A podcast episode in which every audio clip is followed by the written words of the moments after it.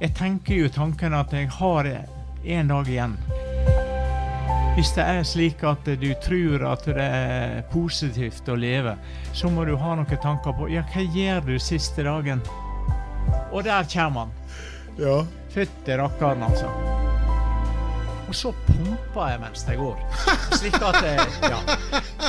ja, det skulle jeg likt å sett. Du kan ikke være sammen med Bjarne Huseklepp uten å le. For er det ett menneske på denne jord som alltid jakter på gleder og smilet og latter og lidenskap, og gleder seg over hvert sekund i livet, så er det Bjarne Huseklepp. Og nå skal han dø. Men han gleder seg over hver eneste dag han får.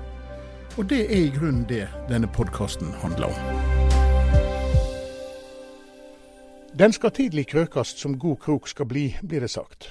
Og når en snakker om å binde flåge, må jo det være et passende sitat å ha med seg. Bjarne Huseklepp ble i alle fall tidlig krøkt. Da jeg var ti år gammel. Du var ti år? Ja. Ja vel. Og så Hvem lærte deg det? Eh, jeg tror faktisk at det var vel nesten ingen som gjorde det. Jeg, jeg greier ikke å huske, men jeg, jeg vet at jeg har gjort masse feil hvordan du skal gjøre det. Og, og jeg tror at jeg har, lært av de feilene jeg gjorde, og så har jeg, så har jeg eh, gjort dette bra. Og så er det én ting som jeg har lyst til å si når det gjelder floge når du fisker med ørret. Det er jo nemlig det at eh, de, de flogene som jeg eh, kunne gå inn i butikkene og kjøpe Jeg husker det at det var noen fine plastskrin som det var tolv floger i, Ja. med all slags farger. Ja ja. Det var helt vilt. Og jeg sleit rett og slett eh, med å få fisk, eller få ørret. Men så kom jeg jo på det at ja, men eh, kjøene, som vi kaller det, her, eller, eller ørreten, de er jo ute etter insekt. Ja. Det er jo der jeg lever av. Ja. Og det som jeg da tok og gjorde, det var at jeg tok en eh, del kjø, skar opp magen helt, eh, helt framme med svelget, Ja. og ser det at fargene der, det er brunt, svart, grått. Det går igjen. Og så begynner jeg å lage floger i de fargene der. Og så greide jeg den genistreken å finne et materiale som er slik at de flogene der, det ser ut som at de lever. Ja. Og det ble jo et helt annet fiske. Ja. Helt Ja, Et annet materiale, hva, hva tenker du på da? Er ikke det bare sånn fjør og dun en bruker? eh, Det er sånn 10 000 kroner spørsmål. ja. ja. Det er ingen som har, det er ingen som har greit det. og... eh, Er det hemmelig? Ja, det er det. Og jeg har, jeg har sagt at eh, hvis noen kommer med, kommer med et forslag der eh, dette der er rett, så skal jeg si at du har helt rett. Og jeg vet jo det at det er folk som har hatt floget inn på er det Zoologisk museum det heter inne i Bergen? Ja. De som kan, kan alle disse her tinga. Og så kommer det en eh, fisker tilbake kjempe, kjempebra. Og han kunne fortelle at eh, jeg hadde brukt ei fransk flåge. Jeg skjønte ingenting av det, altså, men, eh, men det var svaret. Så der, der er én person som har rett. det. Er Jeg har hørt om spansk flue, Ja. men den får ikke du fisk på. Nei. Nei. Sånn, sånn er det. Men, men det har jo vært en kjempesuksess. Og, jeg husker jo da første, første gangen at jeg hadde laga denne der floga. Så når hun ligger på sprit, så ser det ut omtrent som hun lever. Ja. Og så var jeg inne på ga, hos eh, gamle Finn Dø Lange, som ligger rett over i denne der eh, skipperstua i Bergen. Ja. Og da, eh, da kunne han eh, Han syntes jo det at det, teorien eh, ja, jeg var ikke, var ikke så dum. Og Så går det noen eh, dager etter at jeg er kommet eh, til Hyllestad. Da får jeg altså et brev fra Finn de Lange. Han skal ha 300 eh, vauler, våtfluger, eh, og eh, i størrelse 12. ja vel. Og det Jeg hadde jo et vanvittig, vanvittig arbeid for å få dette til. Og så begynner jeg å få ilt i nakken, og jeg begynner å få måtte, var nødt til å kjøpe meg briller så jeg var pluss én. Ja. Ja. Og så hadde jeg et annet problem, og det var at jeg, når du fester bindestikket, altså den som du har, har kroken i, på bordet, så blir du sittende spøgd. Ja. Og så utvikler jeg et nytt bord. Det er helt det er genistrek. Det er altså Jeg har et bord der jeg har tatt ut et hull som ligger en sånn 15 cm innpå. Det er tatt ut. Under det bordet der så henger det et eh, nett som tar all, all søppel. Oh, ja. Og Det gjør at jeg kan legge armene innpå, sånn at jeg avlaster kroppen. Og så binder jeg. Akkurat. Og jeg, det har vært helt, eh, helt utrolig. Ja, Og det som da er til overs, det bare koster du inn Ja, det går bare ned. Ja. Det er ikke i veien i hele tatt. Og det gjør at du har mye mer kontroll når du binder flogene, og du, du har kun det du trenger. Men eh, hvor lang tid tar det å binde ei floge? Eh, Det kommer an på hva slags størrelse jeg har, men, eh, men eh, Ja. Fem, jeg greier mellom 10 og 15 minutter.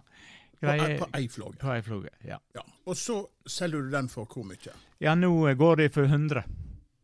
Ja, Så da har du en 400-500 kroner timen Ja. for å binde de flågene. ja. Hadde du det i, i 1975 òg? Nei.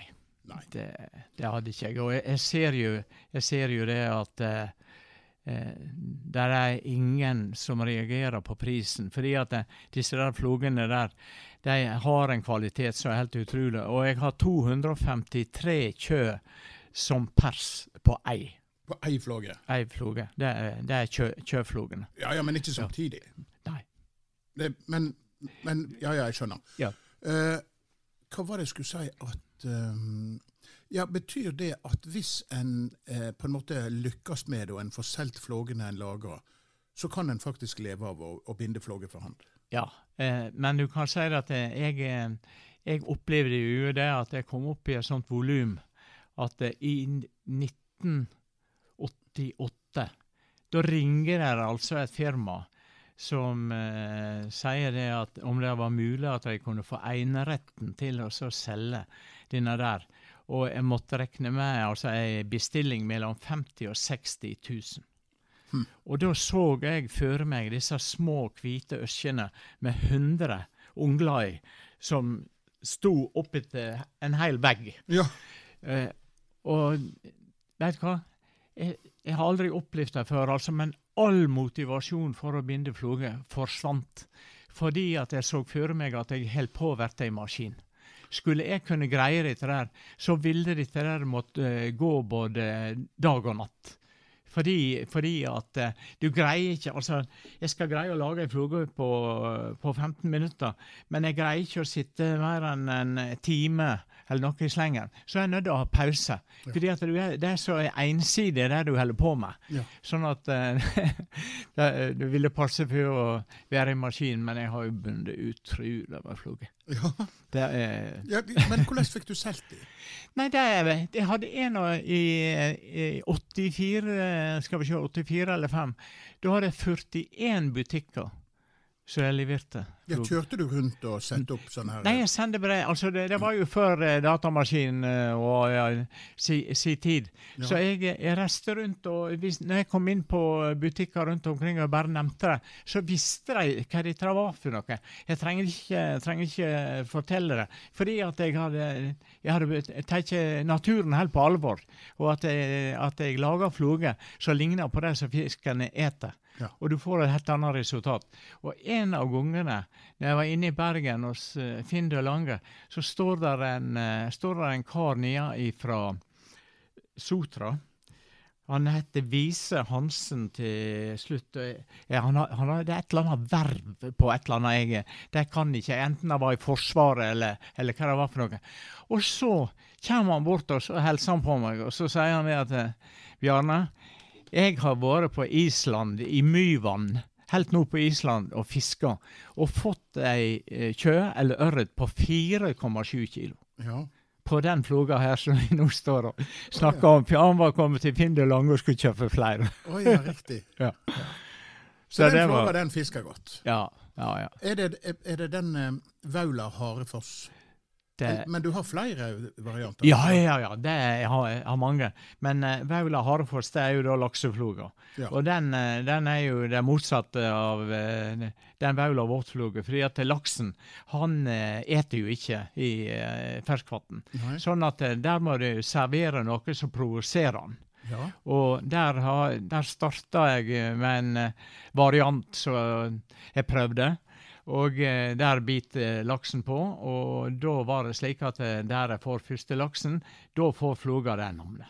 ja vel. Og den, eh, den floga der, den eh, inneholder farger som der er en del, god del oransje, glitter, svart. Eh, og det greier eh, i Flekkelva spesielt at vi greier å provosere laksen som han tar. Fordi at eh, i Flekkelva så er vannet ganske Ja, det har sånn humusfarge. Fordi at det er mye myr og, Ja, det, er litt, det er litt brunt vann. ja, det er brunt vann. Og da er fargene som går på oransje og disse der tingene der, de funker slik at de er lettere å se. Akkurat. Så nå, eh, når jeg kom, kom hjem igjen fra sykehuset og fikk eh, være med nede i, i Harefossen og fiske så halv tre, da hadde jeg laga ei floge som var litt, litt lengre. For- Fordi at laksen skulle lettere kunne se den. Ja. Og jeg hadde jo fem ganger at han var borti den forlenga venga. Oh, ja. Og så satte jeg meg jo ned på benken der, skar av, eh, skar av eh, floga med den lange venga, og så satte jeg på ei som var bare halvparten så stor. ja.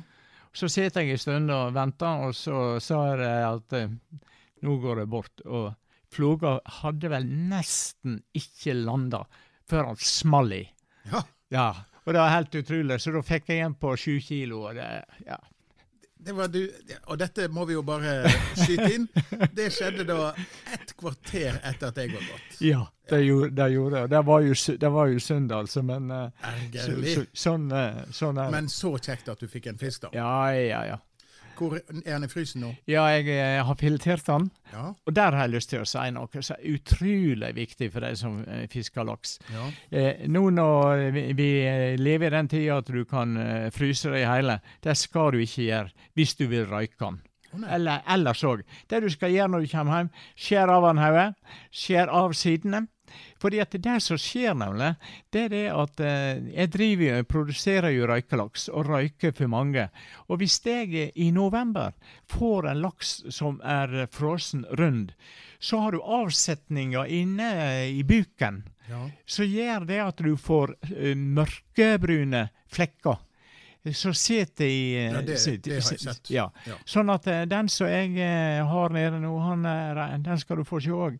Den er reinskåren, siden jeg lagde på frys, i vakuumpakka og alt. Så det kommer til å bli en helt perfekt røykelaks. Og han ser delikat ut. I motsetning Du skal få se bilder seinere av disse her som ikke ser så, sånn ut. Ja, ja, Ja. ja.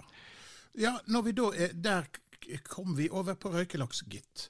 Eh, som altså eh, For det er jo det, sant. Du drar jo alle hobbyer ut i det ekstreme. Ja. Eh, fra å binde ei flåge til plutselig å skulle få bestilling på 60 000. Um, og du begynte å røyke laks, og det utvikla seg jo etter hvert, det òg. Ja.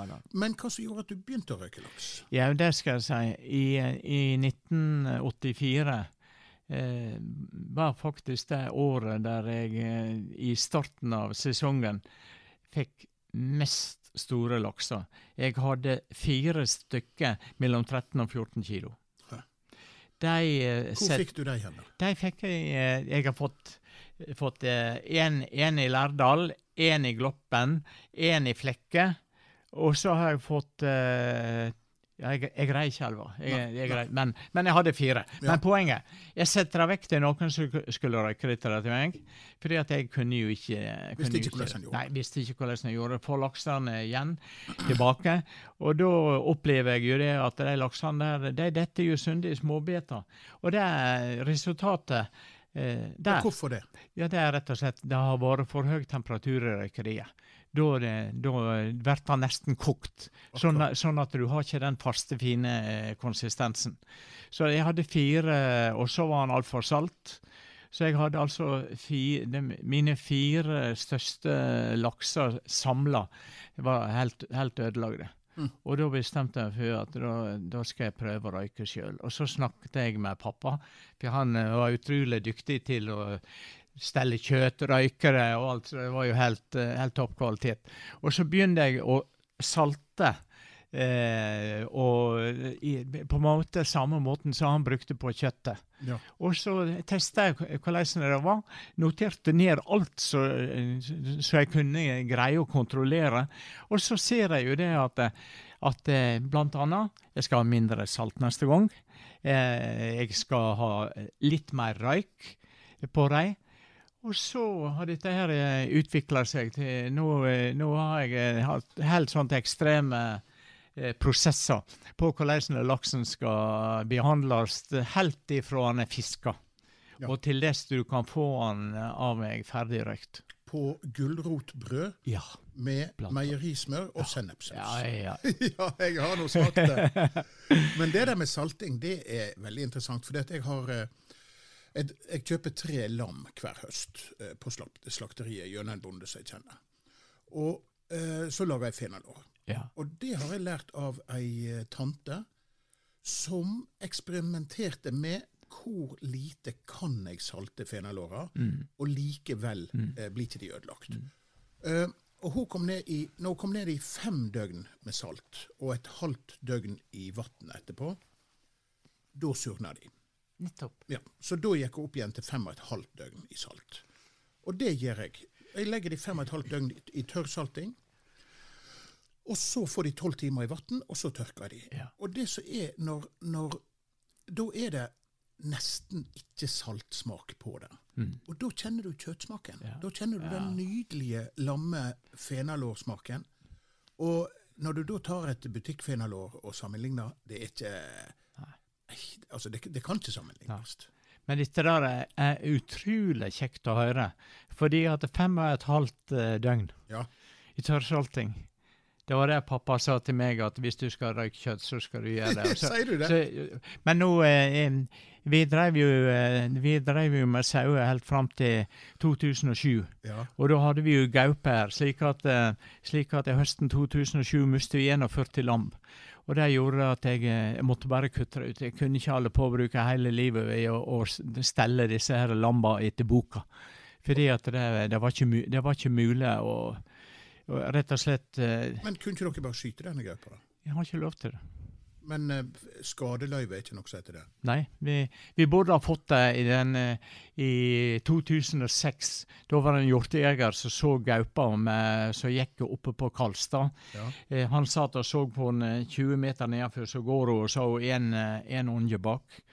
Og eh, da hadde jeg en skikkelig feide med fylkesmannen, fordi at de var altså ganske vanskelige å ha med å gjøre. Og hadde vi da fått lov å bruke det løyvet som skulle brukes i områder med mye, mye eh, lams og, og sauer som forsvinner, så kunne vi ha gjort noe med det. Men vi mistet altså 41 lam. Av, av hvor mange som du hadde på beite da? Ja, vi, har, altså, vi hadde rundt 180 totalt. Det husker jeg, altså med voksne. Og, Med voksne òg. ja, ja. Så det var, det var surreal, altså. Det var det. Forferdelig, Ja. vet du. Ja, Da kan jeg skjønne at en, eh, at en gir opp, altså. Ja, det var ingenting å Altså, jeg, eh, jeg prioriterte jo dette her. Men, Altså, jeg dreiv jo med sauene for at jeg syntes det var moro. Jeg syntes det var moro å så på en måte få utvikle dem, og, sånn, og at de skulle ha det så godt som det var mulig. Ja. Men når du da slipper dem til fjells, Ja. og de blir drepne Og da har jeg hatt tre veker, tre veker fri fra eh, rektorjobben, altså søkte om permisjon uten lønn, for at jeg skulle være der hvis det var behov for det. Slik at eh, hver eh, fjerde time det var det lengste. De gikk før, før jeg sjekka om det var sauer som hadde problem.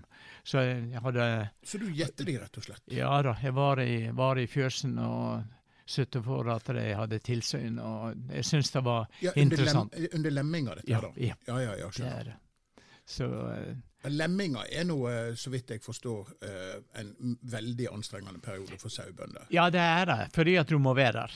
Ja, du må Eh, ligge, ja. bo i fjøset? Ja da, jeg eh, var, var der altså minst Det kunne gå fire timer at jeg ikke var der, men eh, det som er utrolig interessant, at jeg, jeg har ikke mist et eneste lam fordi at det, det lå feil og jeg ikke var til stede. Jeg, eh, Jeg var hjemme hos en eh, bonde på Viksdalen for noen år siden. Og vi drev med noe materiale og sånn. Og plutselig så skvatt han opp og sier 'Å, jeg, er- jeg har en saus jeg tror kanskje er lemmer nå'. Og ned i fjøsen, der hadde hun fått uh, lammet, Ja. og det lå livløst Ja, i, på, ja, på gulvet.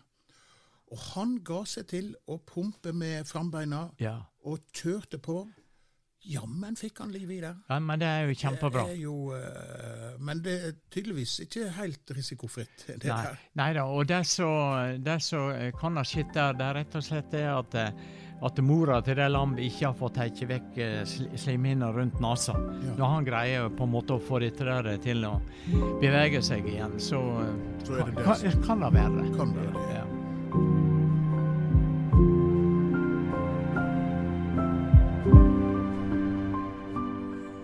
Du har hørt sjette episode av podkasten 'Bjarne så lenge jeg kan snakke'.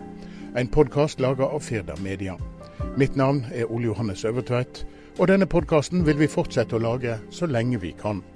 Flere episoder finner du på firda.no.